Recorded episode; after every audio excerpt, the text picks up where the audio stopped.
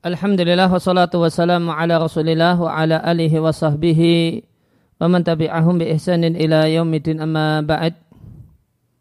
Kaum muslimin dan muslimah rahimani wa rahimakumullah. Kembali kita lanjutkan pembahasan seputar ya, rambut wanita. Kita sampai pada halaman yang ke-77 ya, hormatun namsi haramnya namas yaitu mencabut bulu yang ada di wajah. Ya, disampaikan oleh penulis Hafizallah Ta'ala wa afahu Qala Ta'ala Allah Ta'ala berfirman di kitabnya Wasawarakum fa'asana suwarakum Allah memberikan rupa kepada kalian dan Allah baguskan rupa kalian.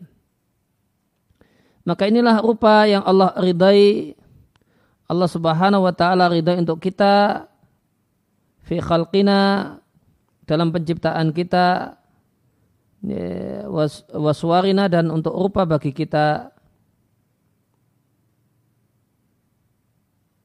Ya. yang Allah ridai rupa tersebut untuk kita ya, fi khalqina wa suwarina alaiha atau fi khalqina dalam uh, dalam penciptaan kita. Wasawarona alaiha Allah ciptakan kita dengan rupa tersebut maka yajib ala natadakhala fiha maka wajib bagi kita untuk tidak campur tangan pada rupa ini dengan merubah uh, malamihiha dengan merubah raut-rautnya baik dengan ditambahi semacam menyambung rambut atau dikurangi semacam dengan menghilangkan bulu-bulu di wajah dan bulu-bulu alis. Nah inilah yang disebut dengan namas Namas adalah salah satu cara untuk mengubah ciptaan Allah Subhanahu wa taala yang setan telah mengancam manusia Bahasanya setan akan memberikan was-was bisikan kepada manusia biha supaya melakukan hal tersebut yaitu namas. Namas satu hal yang haram dalam syarat Islam karena terdapat larangan tentang hal ini. Dari Abdullah ibnu Mas'ud radhiallahu anhu beliau mengatakan Allah melaknat wanita yang mentato dan wanita yang ditato, wanita yang mencabuti bulu wajah dan yang minta supaya bulu wajahnya dicabuti, wanita yang memangkur giginya lil husni demi kecantikan al mughayyirati khalqallahi mengubah ciptaan Allah karena kecantikan. Perkataan Ibnu Mas'ud ini sampai kepada seorang perempuan dari Bani Asad namanya Ummu Yaakob dan beliau adalah seorang wanita yang hafal Al-Quran. Fa'atathu Ummu Ya'qub lantas mendatangi Ibnu Mas'ud dan mengatakan, apa itu hadis yang sampai kepadaku atau apa itu perkataan yang sampai kepadaku angka darimu. Engkau melaknat wanita yang mentato dan wanita minta ditato, wanita yang minta supaya dicabuti bulu alisnya atau bulu wajahnya, dan wanita yang memangkur giginya lil husni demi kecantikan inilah wanita-wanita yang mengubah ciptaan Allah yang terlarang. Fakala Abdullah maka Abdullah ibnu Mas'ud lantas mengatakan Malik kenapa aku tidak uh, la anu tidak melaknat orang yang dilaknat oleh Rasulullah Sallallahu Alaihi Wasallam dan itu ada di kitabullah ada di Al Quran. Maka wanita tersebut yaitu Ummu Ya'qub mengatakan aku telah membaca apa apa yang ada di antara dua lembaran mushaf. Yang paling depan sama yang paling belakang. Tidak aku jumpai larangan tato dan mencabut bulu di wajah. Fakal lantas Abdullah bin Mas'ud mengatakan lain kunta lain kunti tihi sungguh jika engkau betul-betul membacanya sungguh engkau akan mendapatkannya. Yaitu firman Allah azza wa jalla semua yang diberikan oleh sang Rasul ambillah dan semua yang dilarang oleh Rasul berhentilah. Dan ini uh, tato, demikian juga uh, pangkur gigi, demikian juga mencabut bulu di wajah, satu hal yang dilarang oleh sang Rasul Shallallahu Alaihi Wasallam. Maka wanita tersebut Ummu Yaakob mengatakan, sungguh aku lihat, uh, fa ini ura, sungguh aku berprasangka satu dari hal ini ada pada istrimu atau dilakukan oleh istrimu saat ini. Maka Ibnu Mas'ud mengatakan silahkan pergi ke dalam lihatlah. Lantas Ummu Yaakob masuk menemui istri Abdullah dan dia tidak melihat apa pun.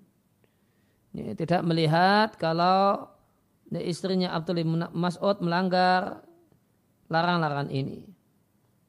Fajar lantas Ummu Yaakob datang menemu, kembali menemui Ibnu Mas'ud dan mengatakan ma itu syai'an.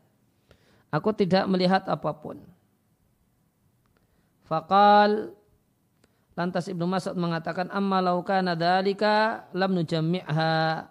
Seandainya hal tersebut ada, niscaya kami tidak akan kumpul dengannya. Yang salah satu kemungkinan makna dari kalimat ini adalah akan menceraikannya.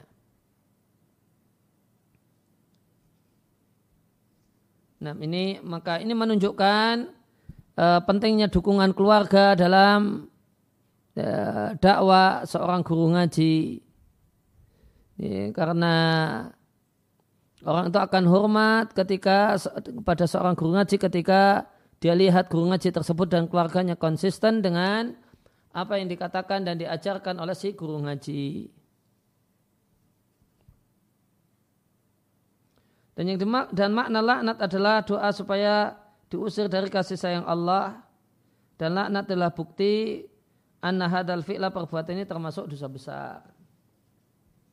Ya, maka di sini kita jumpai pendapat penulis yang memaknai namas dengan makna yang cukup luas yaitu mencabut bulu di wajah. Boleh jadi bulu alis, boleh jadi bulu mata, eh, dan yang lainnya. Itu semua termasuk namas. Dan ini salah satu pendapat dalam masalah ini ini sebagian ulama mengkhususkan namas itu untuk bulu alis saja. Dan pendapat yang dipilih oleh penulis Ahkam Zinatil Nisa yang eh, pengertian namas yang terlarang dan merupakan dosa besar itu mencakup semua bulu di wajah. Nah, termasuk boleh jadi ada sebagian wanita ada bulu kumis tipis. Ya, oleh karena itu ya, maka dilengkapi dengan halaman setelahnya. Di halaman 78, bolehnya menghilangkan bulu wajah wanita jika bulu tersebut keterlaluan. Ya, jika keterlaluan.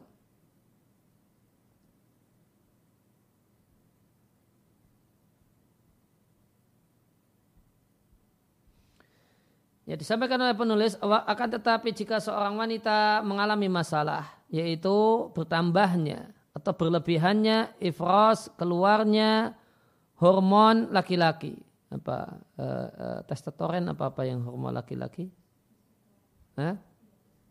Testosteron ya, yuadi yang ini menyebabkan ya, bertambahnya bulu wajahnya bahkan bulu kumisnya kumisnya jadi tebal Sebagian perempuan ada bulu-bulu kumisnya lembut tipis kecil-kecil. Nah, jadi ada yang ya, tumbuhnya ya, lebat sampai keterlaluan. Bahkan tumbuh baginya jenggot, wasyarib dan kumis. Wahadihi dan tentu ini adalah problem Tu'ariku yang menyebabkan tidak bisa tidur banyak perempuan. Maka apakah pada saat kondisi semacam ini boleh menghilangkan bulu yang berlebihan? Jawabannya na'am ya boleh. Ya, pada saat itu boleh menghilangkan bulu yang berlebihan. Fa'inan nahya karena larangan menghilangkan bulu di wajah itu khusus ya, untuk menghilangkan kadar normal bulu wajah wanita. Karena jika kadar normal bulu wajah wanita itu diubah, dihilangkan maka hal ini yu'addi biha ila menyebabkan satu jenis tindakan mengubah fisik perempuan wat tazwir dan pemalsuan wat tadlis dan pemalsuan sehingga masuk dalam hadis Nabi sallallahu alaihi wasallam man yatashabba bima lam yu'ta kala bisi thaubai zurin siapa yang menampakkan diri kepada publik dengan sesuatu yang tidak ada pada dirinya, maka dia seperti dua orang seperti orang yang memakai dua kain kebohongan. Adapun jika bulu wajah perempuan itu keterlaluan sampai-sampai yang butulaha lihyaton tumbuh bagi perempuan itu jenggot dan kumis tebal.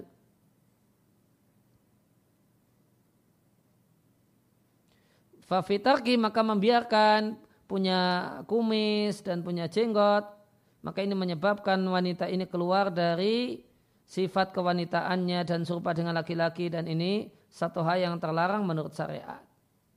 Dari Ibnu Abbas radhiallahu anhu beliau mengatakan Rasulullah sallallahu alaihi wasallam melaknat ya, laki-laki yang menyerupai perempuan dan perempuan yang menyerupai laki-laki. Maka supaya tidak walayakunu takut tasabuh birijal dan menjumpai laki-laki itu tidaklah bisa ditinggalkan kecuali dengan menghilangkan kadar yang berlebih-lebihan dari bulu-bulu ini. Sehingga menghilangkan bulu jenggot atau rambut jenggot dan kumis yang tumbuh bikhilafil ada lebih dari kebiasaannya tidaklah tergolong mubah ciptaan Allah. Karena hukum asal dalam penciptaan wanita itu tanpa jenggot dan tanpa kumis. Maka di kalimat ini kita jumpai kaidah dalam masalah berdandan, bedakan antara mengubah ciptaan Allah yang terlarang, mengubah ciptaan Allah karena kecantikan yang terlarang, dan mengembalikan kepada asli ciptaan Allah Subhanahu wa taala yang ini dibolehkan. Imam Nawawi rahimahullah taala mengatakan perbuatan ini yaitu namas itu hukumnya haram kecuali jika seorang wanita itu tumbuh padanya jenggot atau kumis maka tidak haram menghilangkannya bahkan yustahabu dianjurkan menghilangkannya ingdana menurut syafi'iyah. Maka ya, menghilangkan jenggot dan kumis ya, ya, wanita itu dalam madhab syafi'i hukumnya bukan hanya boleh bahkan dianjurkan. Kemudian haramnya wanita di halaman 79, haramnya wanita menyukur gundul rambut kepalanya ketika terjadi musibah. Nah ini satu hal yang tidak ada di tempat kita. Kalau di tempat kita gundul pelontos itu malah mengungkapkan gembira.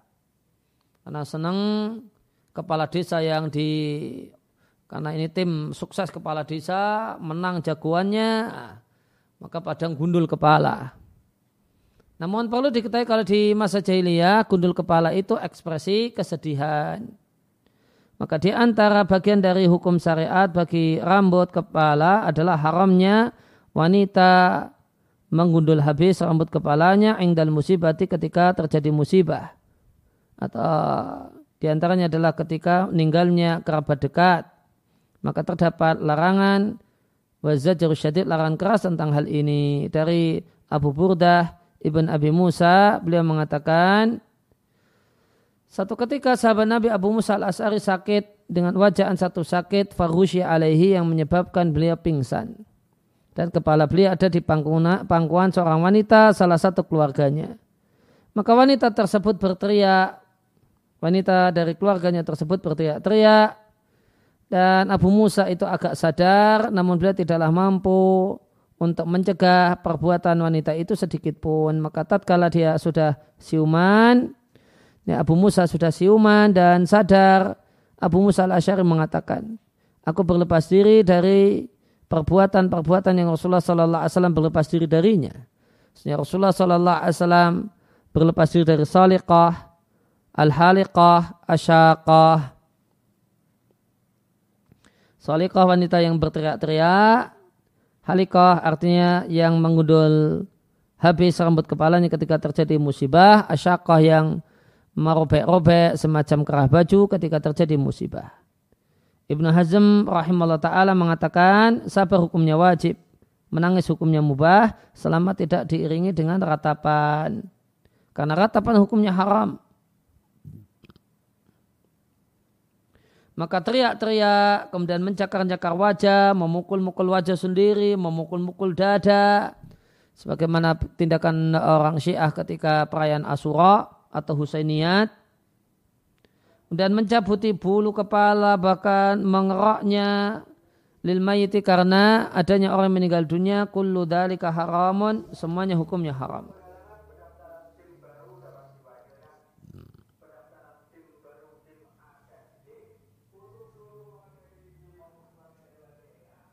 Ya, kemudian kita masuk pada halaman 80 memendekkan rambut, eh, memotong rem, eh, potong pendek ya, rambut kepala seorang wanita ketika haji. Maka wanita itu tabayana berbeda dengan laki-laki dalam haji dalam masalah dimakruhkan menggundul e, pelontos rambut kepala fi ketika haji dan mencukupkan diri dengan potong pendek. Sebaliknya kalau laki-laki dianjurkan untuk gundul pelontos. Dan terdapat dalil disyariatkannya cukur pendek bagi wanita ketika haji. Di hadis Ibnu Abbas radhiallahu anhu, Ibnu Abbas mengatakan, "Laisa ala nisa'il halqu." Tidak ada uh, gundul pelontos bagi wanita, innama ala nisa'i taksiru. Yang ada pada wanita hanyalah uh, cukur pendek. Al-Alama Al-Azim Al-Abadi rahimallahu ta'ala menyampaikan Artinya la yajibu alaihina tidaklah wajib atas perempuan ya, gundul pelontos fitahal ketika tahalul. Wa inama dan hanyalah yang menjadi kewajiban perempuan adalah cukur pendek. Itu artinya hanyalah yang wajib atas perempuan. Ataksiru cukur pendek beda dengan laki-laki. Fa'inau yajib alaih maka wajib atas laki-laki salah satu dari dua pilihan. Cukur pendek atau gundul pelontos non gundul pelontos itulah afdalu yang lebih utama. Al-Hafidh Ibn Hajar rahimahullah ta'ala mengatakan, adapun wanita maka yang dituntunkan bagi wanita adalah cukur pendek bil ijma' dengan sepakat ulama. Mayoritas para ulama syafi'iyah mengatakan seandainya ada wanita yang nekat mengundul pelontos rambut kepalanya sah, namun makruh. Dua Qadi Abu Taib dan uh, Qadi Husain mengatakan tidak boleh. Komentar penulis dan pendapat yang mengatakan tidak bolehnya gundul kepala bagi wanita itulah pendapat yang lebih kuat karena terdapat larangan dalam masalah ini. Demikian juga jika seorang wanita itu menggundul rambut kepalanya ya, supaya serupa dengan laki-laki atau bacanya wakadhalika demikian juga jika wanita itu menggundul pelontos rambut kepalanya maka ini bentuk serupa dengan laki-laki dan terdapat larangan tentang hal ini. Bahkan satu jenis kelamin merupai, e, menyerupai lawan jenisnya.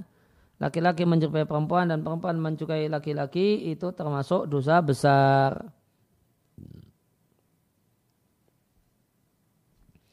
Kemudian halaman 81 hukum wanita memendekkan rambut kepalanya dalam rangka berdandan dan berdandan.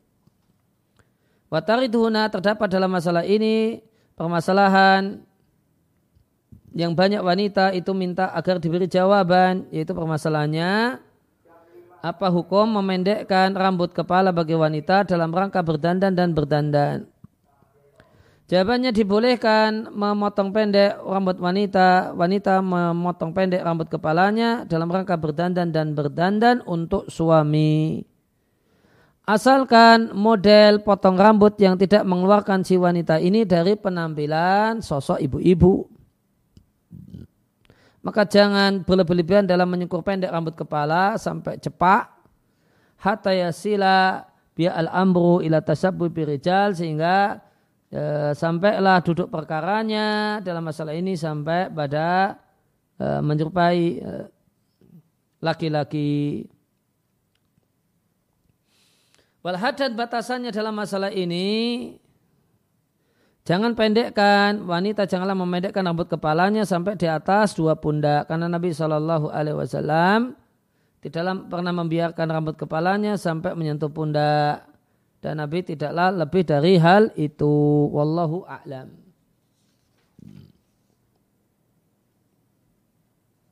Kemudian yang terakhir seputar rambut wanita di sini fasal tentang bolehnya wanita mengundul pelontos rambut kepalanya karena satu kebutuhan yang mendesak semacam berobat atau tebub berobat wal ilaj dan terapi yaitu terapi pengobatan. Maka demikian boleh bagi boleh bagi seorang wanita mengundul rambut kepalanya dalam rangka keperluan berobat dan terapi. Maka Imam Ahmad rahimahullah taala ditanya tentang seorang perempuan yang tidak mampu mengurusi rambut kepalanya dan mengurusinya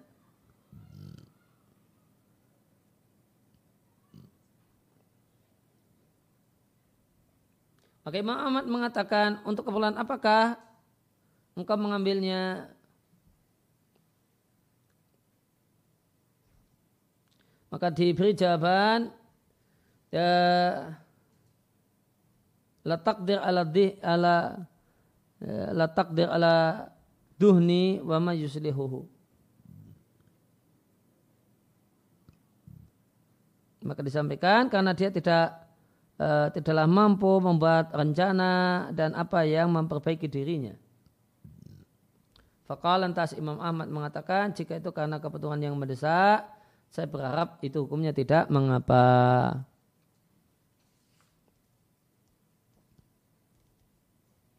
Sudah ada pertanyaan masuk, Mas? Gini.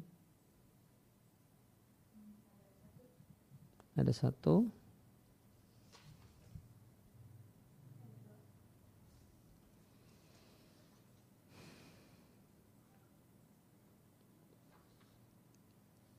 Ya, sedikit kita tambahkan di bab selanjutnya hukum seputar mewarnai rambut. Halaman 74 Baina Yadail Bab pengantar sebelum bab. Wahai ukhti saudariku muslimah, sungguh Islam perhatian dengan ya, tampilan ya, bimadahir asamti ya, ya, penampilan perilaku secara umum bagi seorang muslim baik laki-laki atau perempuan sama saja. Perhatian dengan perbuatan-perbuatan yang manfaatnya kembali kepada individu dan masyarakat. Wabima dengan dan hal-hal yang menampakkan kelapangan Islam dan luasnya cakupan Islam, kuatnya Islam dan mulianya Islam di satu sisi. Wabima dan dengan namun dengan penampilan fisik yang tidak mengubah. Minal uh, khilqal basyariyah ciptaan manusia dari satu sisi. Yang lain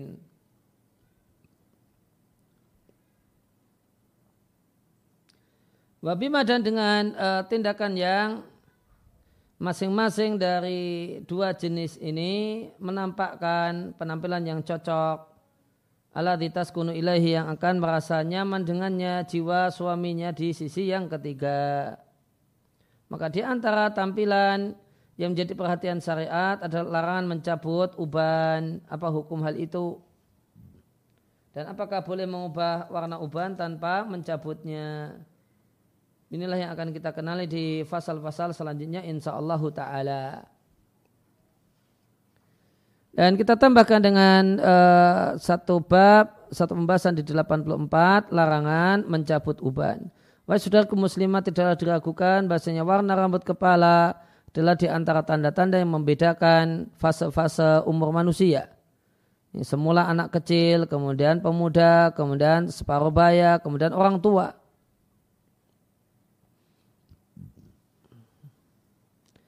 Fahuwa maka rambut kepala itu menunjukkan kuat dan lemahnya fisik seorang manusia. Biasa bimayadhar.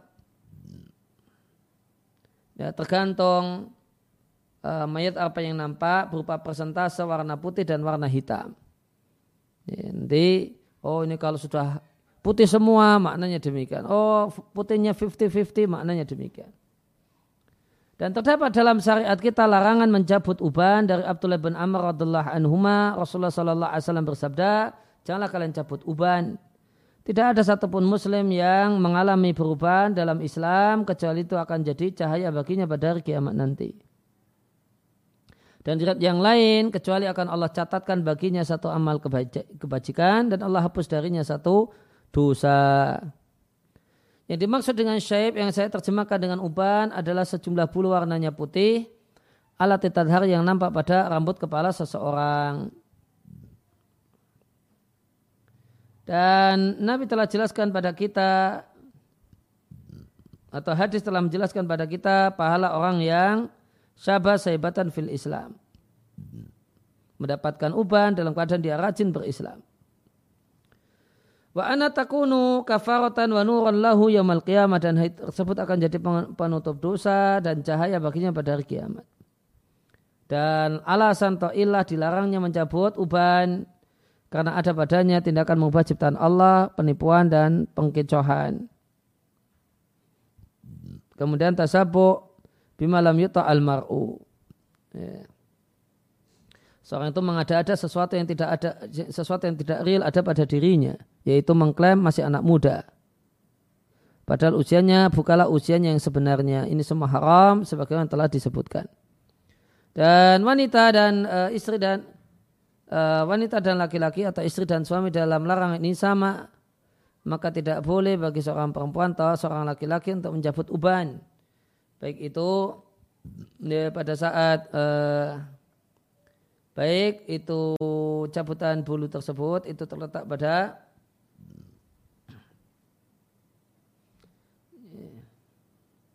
Ya, maka tidak boleh bagi wanita laki-laki mencabut uban, baik uban itu ada di rambut kepala, ada di jenggot, atau di kumis, atau di e, fil hajib, di tempat yang lainnya.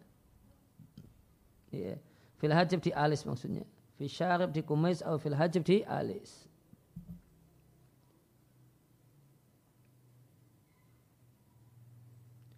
Adapun apakah boleh mengubah warna uban dengan selain uh, semi rambut? Maka jawabannya boleh mengubah uban dengan pewarna yang itulah yang akan kita kenali hukum-hukumnya di fasal-fasal yang akan datang insya Allah Ta'ala.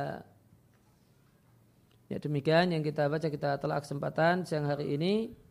Wassalamualaikum warahmatullahi wabarakatuh. Wa ala alamin. Bismillah Ustaz, ada beberapa pertanyaan yang akan kami bacakan. Hmm, yang pertama, Ustadz, bagaimana hukum suntik hormon bagi seseorang yang memang kekurangan hormon? Ya, itu bagian dari pengobatan. Maka tadi telah kami sampaikan kalau bagian dari pengobatan tidak mengapa. Nah. Pertanyaan selanjutnya, Bismillah, Assalamualaikum Ustadz. Waalaikumsalam warahmatullahi wabarakatuh. Izin bertanya, bolehkah seseorang wanita mengkeriting rambut temporari dengan tujuan ingin tampil beda di hadapan suami? Jazakallahu khairan. Sebagaimana dikatakan temporari yaitu sementara maka hukumnya boleh. Sebagaimana bolehnya mengubah warna uban dengan selain warna hitam karena dia cuma sementara. Nah. Pertanyaan selanjutnya, Bismillahirrahmanirrahim.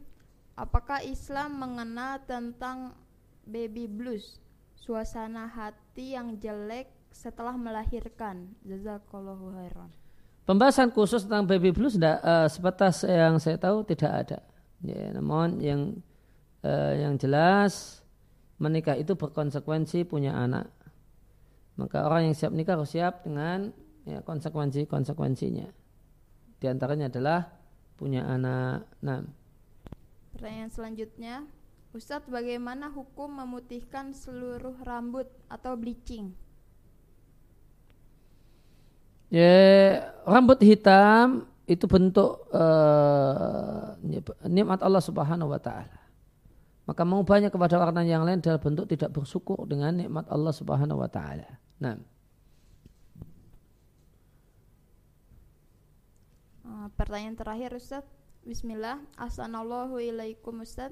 Amin. Bolehkah kita mengudul habis rambut perempuan, rambut bayi perempuan supaya lebih mudah untuk mengurusinya? Jazakallahu khairan. Ma, apa? Mengundul rambut bayi perempuan. Uh, mengundul rambut bayi perempuan di umur tujuh hari kelahirannya diperselisihkan oleh para ulama ya, dengan pertimbangan apakah ini babnya adalah menghilangkan gangguan ya, apakah babnya ini menghilangkan gangguan yaitu uh, rambut yang ya, ya, dari perut ibu? Ataukah ini uh, dalam uh, ya, menghilangkan sumber kecantikan? Kalau dianggap itu menghilangkan sumber kecantikan maka nanti pendapat pertama melarangnya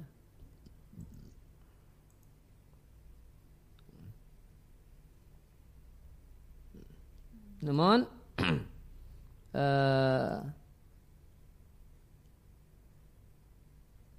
jika ya, jika itu adalah dalam rangka menghilangkan gangguan dan kotoran karena itu rambut yang dibawa bayi dari rahim ibu itu kotor maka boleh meng, e, menggundulnya. Dan inilah pendapat yang lebih kuat bahasanya rambut yang dibawa oleh seorang bayi dari rahim ibunya itu bukan bagian dari rambut yang merupakan kecantikan namun rambut yang statusnya adalah al-ada kotoran dan meng menghilangkan kotoran satu hal yang diperintahkan baik untuk laki-laki ataupun perempuan. Kesimpulannya eh, tetap dianjurkan bagi bayi perempuan yang berumur tujuh hari untuk digundul plontos. Nah, hmm.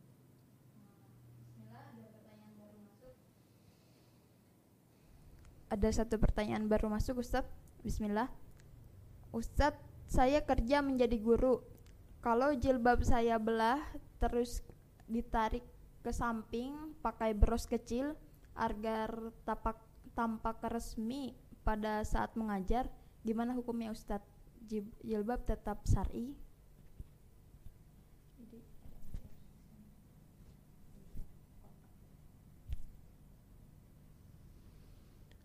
Uh, yang lebih penting adalah tunjukkan bahwasanya Wanita yang memakai pakaian yang jilbab yang syar'i tidak menghalangi untuk profesional dalam kerja. Buktikan hal tersebut.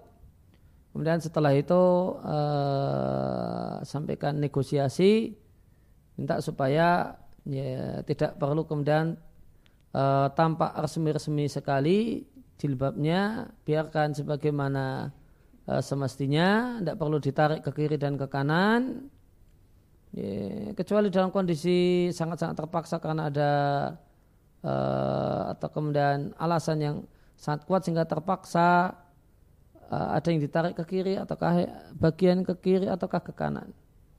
Karena seluruhnya semestinya kerudung itu ya, menutup tanpa ada yang ditarik ke belakang misalnya. Ya, karena kerudung itu ditarik ke belakang itu kerudungnya orang orang Arab jahiliyah yang yang kemudian di, uh, dilarang oleh Islam dan diperintahkan supaya kerudung itu menutupi kerah baju, artinya turun ke bawah. Nah, uh, pertanyaan selanjutnya, Assalamualaikum. Amin. Ustadz Afwan ingin bertanya, apakah orang tua lebih baik membiarkan ubannya berwarna putih atau diberikan warna selain hitam. Jazakumullahu khairan. Yang afdal adalah diberi warna namun dengan selain hitam. Nah. Hmm, pertanyaan selanjutnya Ustaz. Apaan Ustaz di luar tema, apakah memang ada anjuran menghitan bayi laki-laki? Ya. Maka uh, khitan itu wajib manakala anak ini sudah balik dan mengkhitannya sebelum itu dianggap lebih afdal karena semakin kecil aurat itu semakin ringan. Ketika masih tergolong kanak-kanak auratnya itu ringan. Tapi kalau sudah semakin dewasa maka nilai auratnya bertambah. Maka dari dari sisi ini maka dikhitan artinya buka-buka aurat untuk keperluan itu makin belia makin baik. Nah. Demikian subhanaka Allahumma bihamdika asyhadu an la ilaha illa anta astaghfiruka wa atubu ilaik.